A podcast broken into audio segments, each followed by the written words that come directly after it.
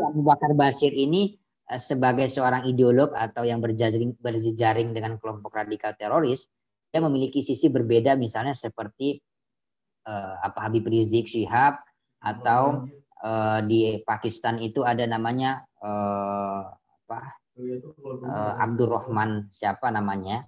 Nah, itu berbeda. Uh, Abu Bakar Basir ini uh, fans dia militan itu uh, uh, militansinya berbeda seperti kelompok uh, EPI. Kalau kelompok EPI ini dia militannya uh, sembarang tempat dia, tapi kalau ABB ini dia sudah sistematis. Itu bedanya orang yang sudah pernah ikut jamaah Islamiyah itu gerakannya sistematis, Mas. Uh, berbeda misalnya dengan kelompok radikal teroris seperti Majli, uh, Mujahidin Indonesia Timur, Mujahidin Indonesia Barat, itu sembarangan aja dia. Kalau suka ngebom ngebom, kalau suka enggak enggak. Tapi kalau jamaah Islamiyah ini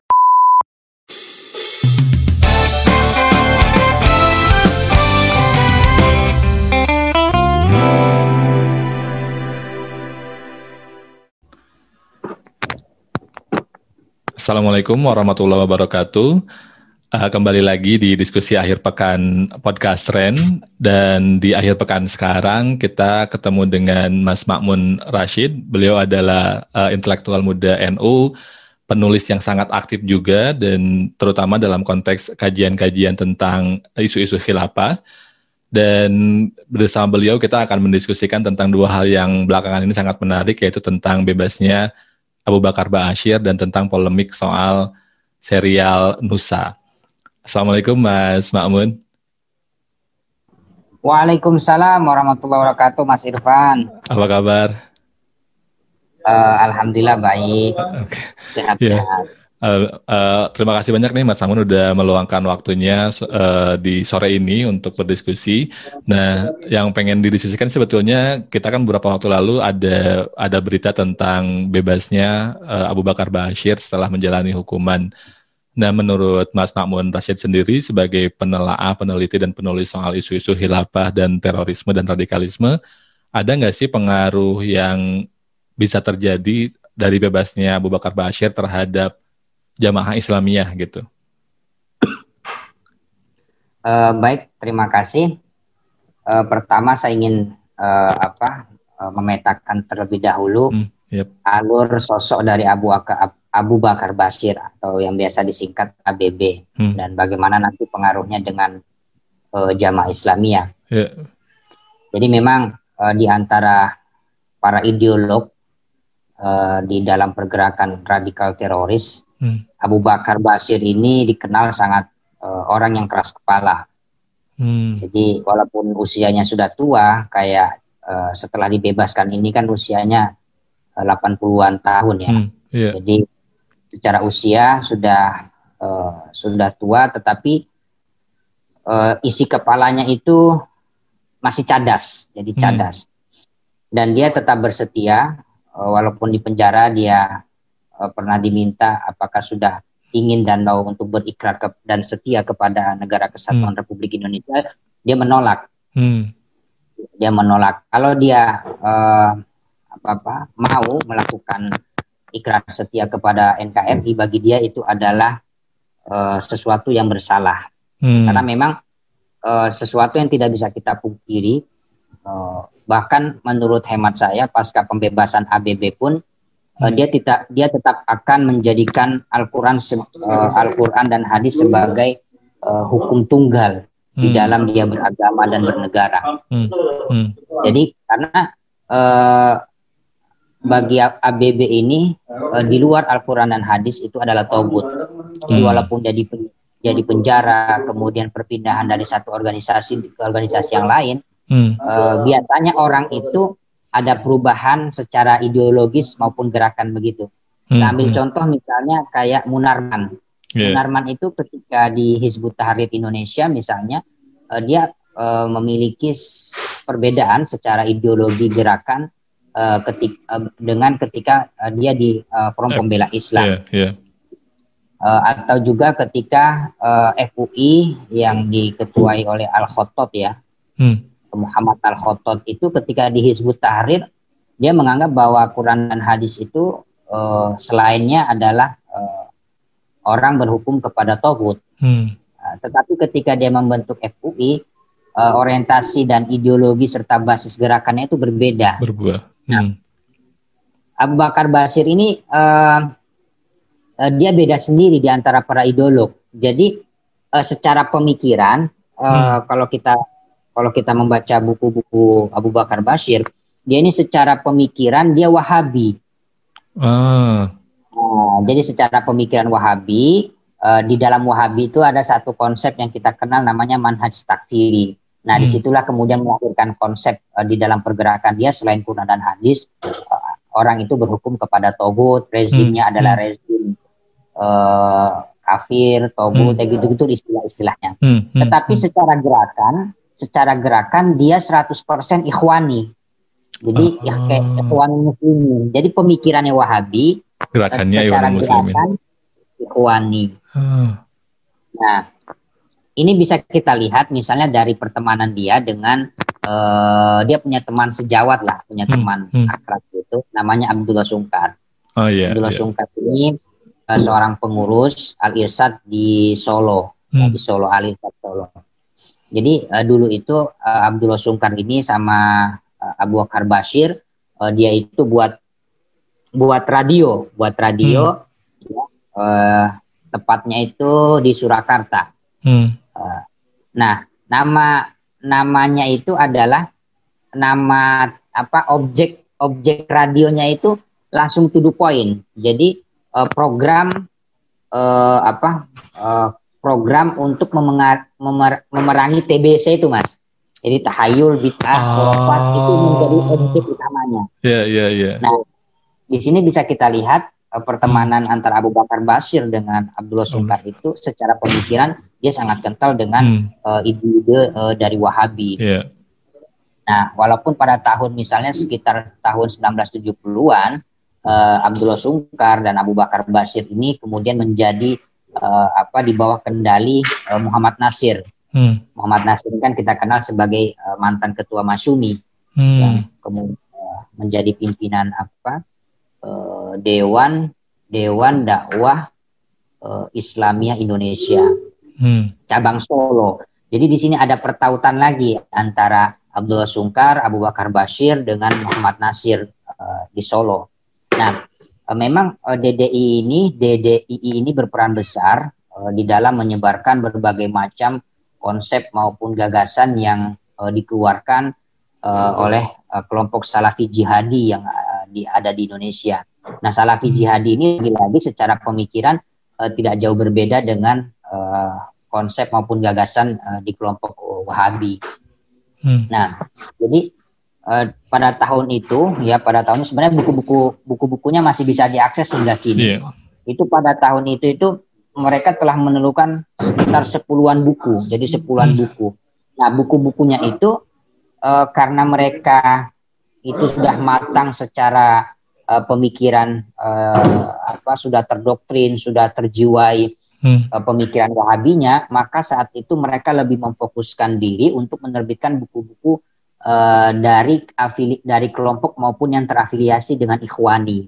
Hmm. Misalnya Hasan Al-Banna, Sayyid hmm. Kutub, hmm. Uh, ada juga yang sering dipakai di kelompok uh, Partai Keadilan Sejahtera itu uh, Said Al-Hawa. Hmm. Nah, hmm. kemudian uh, ada lagi uh, Abu Ala Al-Maududi.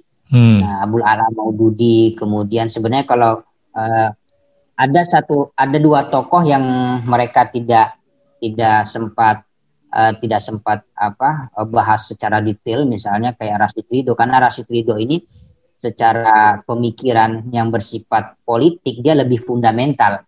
Hmm. Uh, tetapi secara secara uh, sains, secara sains di luar uh, politik pemerintahan uh, dia masuk kategori uh, modernis. Hmm. Jadi si kayak Abu Bakar Basir ini secara uh, gerakan Ikhwani, tetapi secara pemikiran Wahabi. Jadi rata-rata orang-orang yang uh, model-model seperti ini dia uh, memainkan uh, dua peran ganda. Jadi hmm. uh, dua peran. Nah, kemudian uh, sampailah tahun 19 misalnya 70-an 6, kemudian eh, 19 kalau tidak salah sampai 1981 ya. Hmm. Itu kan kepemimpinan uh, jamaah DI atau uh, eh, NII ya. hmm. mulai hmm. pindah ke yeah, yeah. Nah, pada makanya pada tahun 1980-an itu uh, Sungkar itu uh, mengangkat beberapa orang ya uh, misalnya uh, saat itu ada dai yang terkenal dari kampus Universitas Gajah Mada hmm. ya hanya kalau tidak salah itu Sahirul Sahirul Sahirul uh, nama lengkapnya saya lupa Sahirul Sahirul itu hmm. diangkat dia memang uh, do, apa dai terkenal lah dai terkenal dosen kimia hmm. di MIPA hmm. Mada nah kemudian uh, apa namanya mereka itu uh, memang pada tahun 1983an itu masih memperlakukan Pancasila sebagai uh, apa orde uh, orde baru maksud saya orde baru itu kan baru memperlakukan asas tunggal Pancasila. Hmm. nah karena sudah ada pemberlakuan itu maka uh, Sungkar ini uh, dan Basir kerjasama kemudian dia pindah ke Malaysia hijrah. Hmm. Nah, hijrah ya di Kuala Pilah ya di Kuala Pilah itu uh, di Kuala Lumpur. Hmm. Nah Kemudian pada uh, mulai 19 uh, 1970 apa 1979 itu kan uh, memang uh, ideologi jihadi di dunia internasional itu sudah menem, uh, sudah menemukan lahannya. Hmm. Cuma Abdul Bakar maupun Abu Abu Bakar Basir ini masih mencari bagaimana mengendalikan sistem perpolitikan di Indonesia baik yang hmm. bersifat di bawah tanah maupun uh, di permukaan. Hmm. Nah, jadi uh, isu-isu yang ada di dunia internasional itu dibawa ke Indonesia dan dicoba, hmm. dicoba kira-kira apa uh, cocok tidak untuk masyarakat Indonesia. Hmm. Nah, kenapa Abu Bakar Basir ini secara pemikiran Wahabi? Karena Wahabi itu lebih diterima uh, di, uh, di masyarakat Indonesia, uh, khususnya kelas menengah ke bawah yang tidak pernah uh, bergelut di dunia uh, di dunia uh, seperti orang di perkotaan umumnya yang sudah terbiasa hmm. berbeda secara pemikiran. Hmm. Ikhwani, kalau Ikhwani yang lebih ditonjolkan kala itu, maka Abu Bakar Basir lebih cepat uh, terdeteksi dan uh, hmm. tidak bisa secara luas. Makanya yang dia pakai adalah Wahabi. Hmm. Makanya radio kerjasama dengan uh, dengan siapa Abdullah Sungkar itu programnya uh, ya, TBC apa, tadi ya. Tema TBC itu tahayul hmm. bid'ah dan khurafat itu. Ya. Hmm. Tetapi yang menjadi pertanyaannya adalah bahwa eh, apakah Abu Bakar Basir ini eh, memang dia kalau di dalam buku itu yang saya bilang tadi dia eh, walaupun usianya tua eh, tapi dia masih cadas. Apakah setelah dia dikeluarkan atau dibebaskan, hmm. dia kan bukan bebas bersyarat, dia murni mas. Iya betul betul. Dia bu, uh, dia keluar dari hukuman, bebas murni, walaupun mendapat remisi sebagai hmm. hak dan kewajiban dia. Hmm, hmm. Uh, kemudian juga ada alasan kemanusiaan dan lain hmm. sebagainya. Hmm. Tetapi apakah uh, pemerintah melalui misalnya seperti BNPT dan hmm. uh, lembaga hmm. institusi terkait lainnya uh, mampu meredari apa menderadikalisasi secara uh, pemikiran maupun gerakan uh, terkait Abu Bakar Basir ini. Hmm. Karena kalau di kelompok radikal teroris ABB ini bisa kita kategorikan uh, dia di kelompok kelas A ya, bukan hmm. uh, kelas A, bukan kelas B. Kalau kelas B itu masih enak lah. Hmm. Hmm. Nah, uh, bagi saya dia masuk kategori uh, kelas A yang oh, sudah sangat ibarat apa kita makan itu sudah mendarah daging. daging. Kita hmm. kita sudah susah uh, hmm. apa uh, memisahkan mana darah hmm. atau hmm. mana yang masuk atau mengalir bersama darah itu. Hmm. Hmm. Nah, hmm. oleh sebab itu maka uh, saya percaya memang bahwa pemerintah melalui Densus 88 maupun BNPT itu uh, masih mengawasi terus 24 jam, tapi uh, diamnya seorang mantan uh, mantan seperti Abu Bakar Basir ini itu kan tidak menghentikan bahwa uh, gerakan atau jaringan pertemanan dia itu berhenti. Hmm. Dan itu tidak ada jaminan. Yeah. Justru di, justru diamnya seorang seorang seperti Abu Bakar Basir ini itu bisa menimbulkan kecurigaan mendalam kepada kita bahwa hmm. uh, dia memang diam, tetapi jaringan dia tidak uh, tidak diam, hmm. karena memang ABB ini kan uh, apa uh, dianggap se uh, sebagai ideolog ya, ideolognya hmm. uh, kaum radikal apa radikal uh, teroris itu.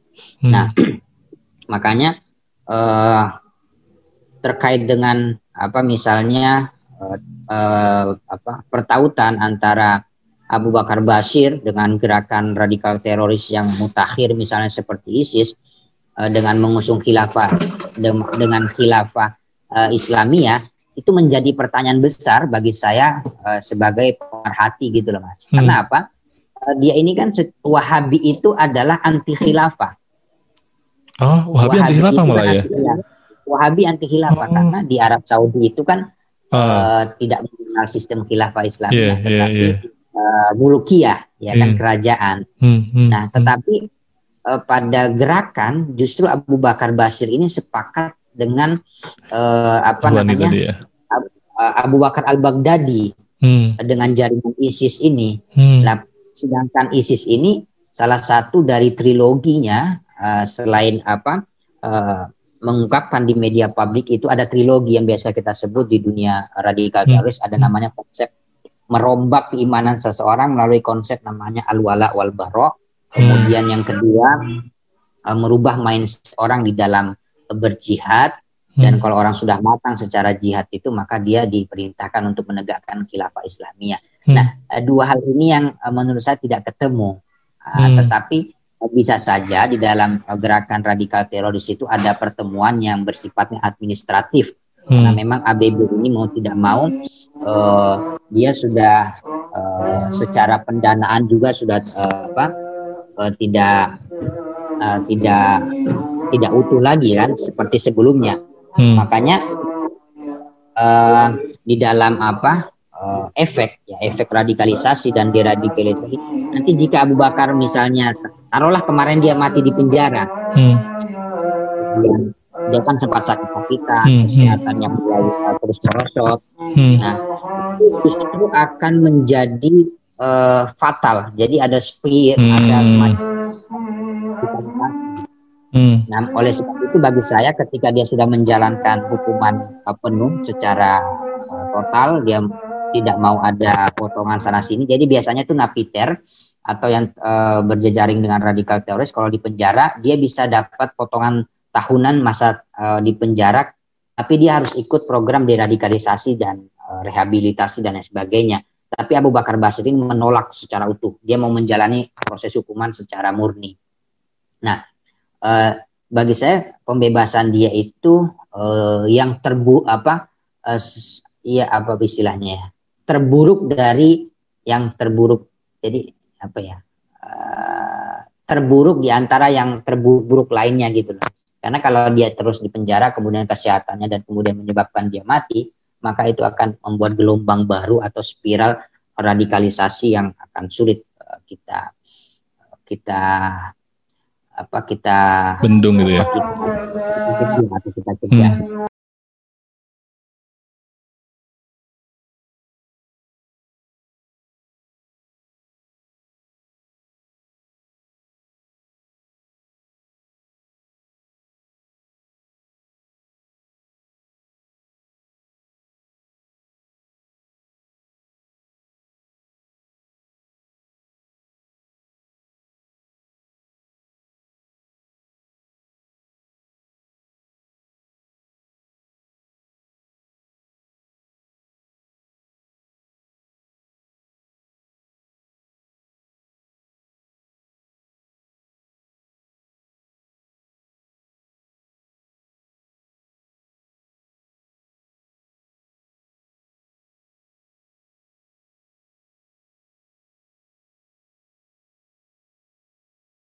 Dia terstruktur.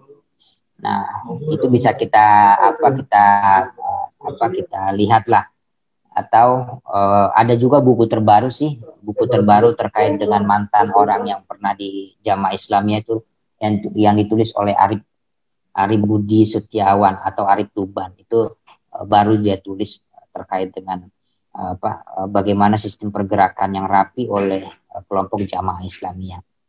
Nah, mungkin itu terkait Abu Bakar Basir tapi uh, kalau apakah ada kecurigaan uh, bagi saya yang perlu dicurigai adalah bukan sekedar sosok ABB-nya tetapi uh, jaringan dia ini kan belum mati seutuhnya di Indonesia Mas.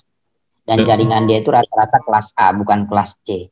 Nah kelas A itu orang yang sudah berpikiran uh, saya apa saya bunuh atau saya yang terbunuh. Nah, kira-kira seperti itu. Kalau jamaah Islamiyah sendiri itu sebetulnya apakah masih menjadi sel terorisme yang kuat gitu ataukah sudah sudah sebetulnya sudah lemah gitu dengan dengan lamanya Abu Bakar Bashir di penjara, Mas? Uh, jamaah Islamiyah ini uh, seniornya para kelompok radikal teroris di Indonesia, Mas. Bahkan uh, apa dia kan ada mantikinya. Nah, mantikinya itu mantiki satu, dua dan seterusnya itu tidak hanya ada di Indonesia, tetapi mantikinya hmm, itu yeah. uh, apa ada di luar negeri. Nah, di luar dan setiap mantiki itu punya tugas yang berbeda-beda. Jadi kayak Abu Bakar Basir ini tugas dia bukan mencari dana, tetapi menyebarkan paham. Jadi walaupun dia mati, dana ini tetap uh, akan terus ada.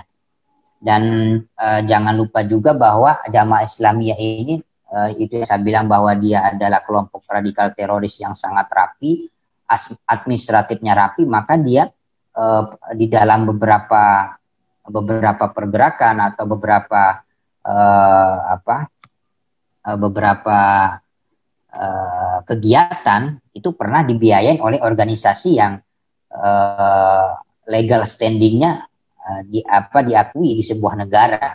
Misalnya ketika zamannya Nasir Abbas itu membuat sebuah mantiki kedua ya kalau tidak salah mantiki dua misalnya itu yang mendanai adalah organisasi uh, di luar jamaah Islamiyah dan itu uh, tidak bisa dihentikan uh, tidak bisa dihentikan karena bekerja sesuai dengan parameter hukum yang berlaku.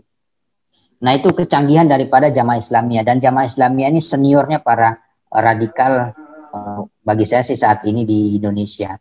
Jadi kalau kayak Abu Bakar mati sekalipun itu tidak mempengaruhi uh, donatur ataupun apa namanya pendanaan yang beredar. Oleh sebab itu kan maka yang kita perlu sekarang ini bagaimana Eh, para peneliti tidak saja memfokuskan pada sisi pikiran atau intelektual dari seorang yang berjejaring dengan radik apa kelompok radikal teroris, tapi mulai juga memfokuskan pada uh, pendanaannya.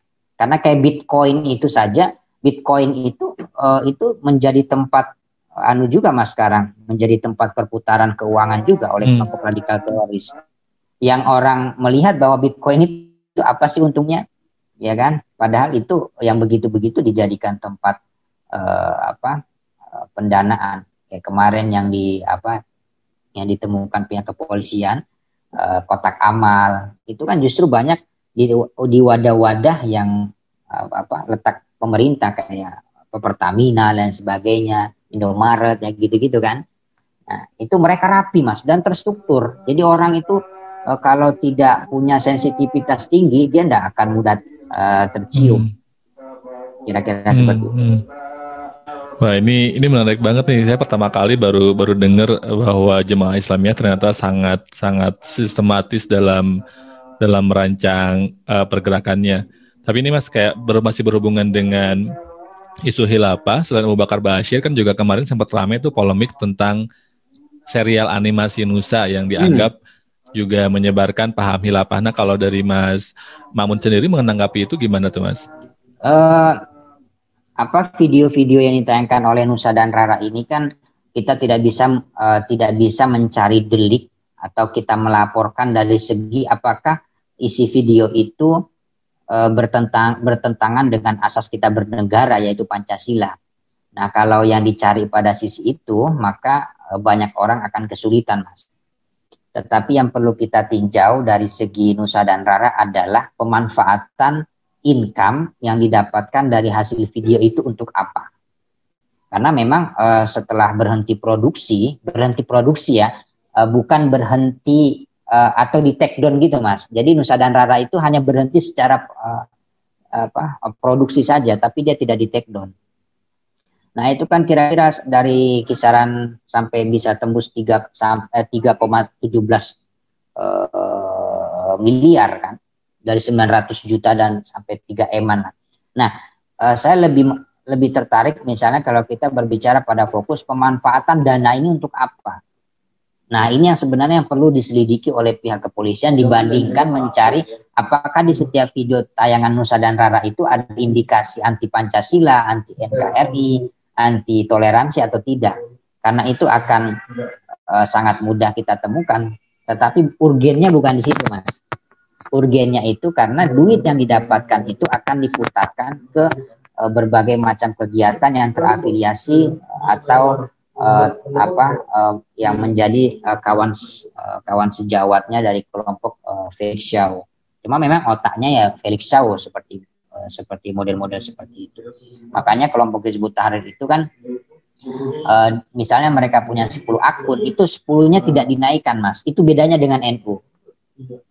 Kalau NU itu kan uh, misalnya ada NU online, tapi di satu sisi uh, apa Nahdiinnya warga NU-nya itu uh, satu dengan lain-lainnya ingin menyamakan kedudukan NU online di waktu yang sama. Nah, kalau Hizbut Tahrir itu uh, di antara 10 akun, itu satu akun yang dinaikkan. Kayak Musa, uh, modelnya Nusa dan Rara ini. Nanti uh, ketika dia sudah berhenti, duitnya sudah ada, tetap berjalan, Nah ini kemudian diputar, dinaikin lagi satu, dinaikin lagi satu. Jadi uh, bagus. Jadi itu dari segi itu kita Sustain, perlu belajar lah juga. Yeah. sustainability-nya berarti lebih lebih mereka lebih lebih bisa terkelola gitu ya. Iya, dan terstruktur. Jadi uh, misalnya begini, uh, saya sebagai warga Nahdi ini membuat website itu kan uh, PBNU tidak tahu menahu dengan urusan saya. Tetapi di Hizbut Tahrir itu semua diawas, Mas. Jadi misalnya jenengan adalah anggota Hizbiyin misalnya, uh, itu nanti akan uh, sampai di telinganya, misalnya media itu akan sampai ke telinganya para petinggi. Jadi diawasi langsung sama apa petingginya, kemudian kayak ada uh, apa mentoringnya dan lain sebagainya. Nah di NU tidak. Jadi warga Nahdien diberikan kebebasan untuk membuat sesuatu, tapi tidak diberikan uh, pengawasan dari uh, apa NU sebagai uh, sebagai jam'iyahnya. Makanya terkadang uh, ada jam'iyah, jam'iyahnya rapi tetapi uh, jamaahnya tidak rapi. Nah, di sini kita perlu belajar kepada kelompok-kelompok yang terkadang juga kita menganggap bahwa mereka anti Pancasila karena memang uh, saya tidak bisa menafikan bahwa setiap kelompok itu ada uh, positif maupun negatifnya. Dan untuk urusan yang sifatnya teknologi, teknologi apa teknologi dan pemanfaatan ya kita memang banyak juga harus mengejar ketertinggalan dengan kelompok-kelompok yang terkadang kita kategorikan mereka adalah pembuat radikalisme maupun intoleransi yang ada di Indonesia. Itu mungkin sebabnya kayak banyak orang yang meyakini bahwa walaupun HTI udah dibubarkan, tapi sebetulnya secara gagasan dan secara ideologi itu mereka nggak bubar langsung gitu kan karena yang tadi mungkin kayak Mas namun bilang secara sistem mereka udah sangat terstruktur gitu. Uh, dibandingkan kelompok radikal atau intoleran serta teroris lainnya yang ada di di dunia bahkan mas, itu hanya Hizbut Tahrir yang memiliki konsep secara keseluruhan. Jadi di Hizbut Tahrir itu uh, mau bicara undang-undang mereka punya kitabnya, mau bicara ekonomi ada kitabnya. Jadi lengkap mereka itu. Nah justru mereka ini sebenarnya yang sudah uh, siap makanya mereka kan uh, beberapa kali kan melakukan kudeta di luar negeri tetapi tercium oleh pemerintah uh, kemudian dibekukan orangnya di penjara uh, dan di apa di bumi hanguskan kan nah di Indonesia ini mereka masih menc mencari celah karena mereka masih masih percaya bahwa um, dengan mempraktekkan konsep tolabun nusroh atau uh, meminta pertolongan kemudian mempengaruhi para pejabat yang memiliki apa eh, kedudukan yang strategis maupun non strategis itu masih mereka percayai. Maka sampai sekarang mereka masih menggunakan konsep tolabun nusro itu. Tetapi bagi saya ini mereka lagi diam.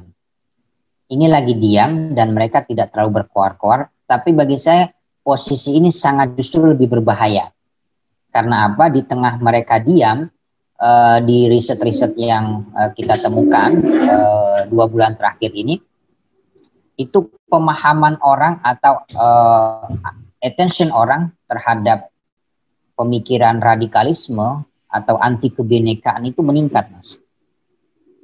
Jadi ini banyak kelompok-kelompok radikal yang hanya persen to persen aja yang ber, uh, bersuara.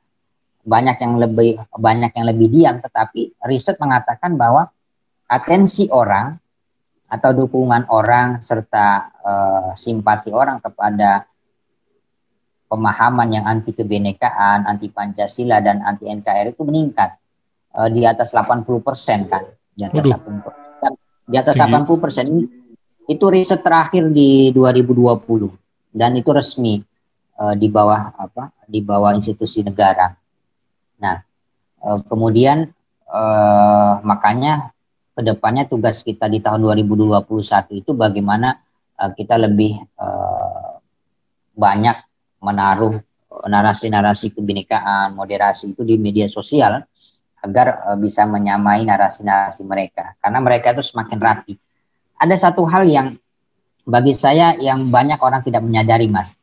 Uh, kita ini kan sama-sama penulis, Mas. Kita ini sama-sama yeah. penulis uh, dan kita sangat tahu ke, ketika orang menulis kemudian dia menggunakan teori namanya hypnowriting itu dia sungguh canggih lah untuk menghipnotis pembacanya dan kelompok radikal teroris itu sudah pada tahap mempraktekkan itu, Mas. Termasuk kelompok Hizbut Tahrir Indonesia itu uh, mereka itu tidak lebih kepada substansinya yang dikedepankan, tetapi bagaimana orang ini kalau gua nulis buku, ya kan gua nulis gitu ya? buku ya? uh, dari 100 orang minimal 20 orang ikut gua dah. Nah, kalau kita kan hmm, enggak, hmm. kita terkadang kayak uh, saya begini dan teman-teman justru berpikirnya uh, bukan seberapa banyak orang yang terpikat, tetapi seberapa banyak orang yang otaknya terisi, bukan terpikatnya, iya, kan beda mas? Iya, betul, betul, betul. Kalau terpikat itu kan uh, dia simpati tapi tidak tahu apa yang dia simpati dia simpatikan itu tidak tahu. Nah di situ, yeah. nah ketika orang sudah mulai simpati, baru kemudian dia cuci otaknya, dia ajak liko-liko, ke halako-halako. Kalau itu kan kita nulis itu uh, justru terkadang penulis kayak model-model kita itu uh, banyak yang lebih men, apa lebih ingin menunjukkan bahwa gue lebih intelektual loh dibandingkan lu tapi dia lupa sisi bagaimana cara yeah. membuat orang terpikat dan simpati. Walaupun orang itu sebenarnya tidak tahu apa isi buku kita itu.